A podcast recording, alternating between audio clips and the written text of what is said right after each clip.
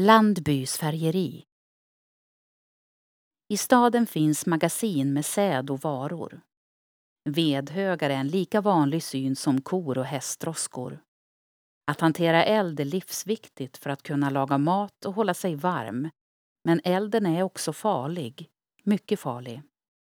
I färgarmästare Lars Albrecht Landbys färgeri på Stora gatan, nuvarande Drottninggatan, vid södra änden av Storbron placerar en lärling aska från kakelugnen i en trätunna så som han gjort många gånger tidigare. Vad han inte vet är att det kommer att förändra Örebro för all framtid.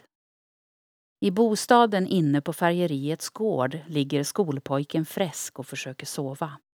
Han bor här med sin bror, syster och hennes familj. Landbys är ett av Örebros färgerier där garn, vaddmall och siden färgas och torkas. Verksamheten kräver mycket vatten varje dag och ligger därför praktiskt nära Svartån. Fresk har legat och vänt och vridit på sig hela natten utan att ha kommit till ro. Festen i en av köpmännens hus har varit högljudd och de har skrålat hela kvällen. Hantverksområdet i Örebro är litet och husen ligger tätt här så varje oljud får fönsterrutorna att skallra.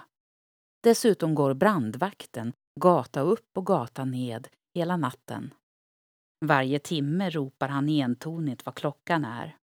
Fräsk hör hur hans monotona stämma letar sig in i sovrummet. Klockan är tolv, klockan är tolv. Sen blir han märkligt tyst. Till slut somnar Fräsk men vänder oroligt av och an. Kanske är det inte bara på grund av nattens alla ljud utan något annat som man inte kan sätta fingret på. Klockan halv ett på natten vaknar han till med ett ryck. Han möts då av en rasande eldvägg utanför fönstret. Värmen från de slickande lågorna kommer allt närmare och bränner på huden. För en sekund är han alldeles förstelnad i kroppen men kastar sig mot dörren för att väcka sin familj. Han tar sina små sovande syskonbarn i famnen och rusar ut i den mörka marsnatten. Landbys färgeri är snart bortom all räddning. Det brinner, men staden tycks sova. Varför är det ingen som varnar dem alla? Upplev flera berättelser och objekt på plats med Geostory-appen. I appen kan du också tävla om att bli väktare och beskyddare för dessa. Finns där appar finns. Har du förslag på intressanta och bra berättelser som du tycker borde finnas i Geostory? Gå då in på geostory.se, välj bidra under meny och klicka sedan på förslag på Geostory.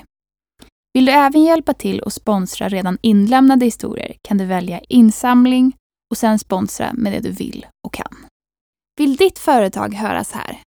Kontakta då oss gärna på info.geostory.se för att vara med och sponsra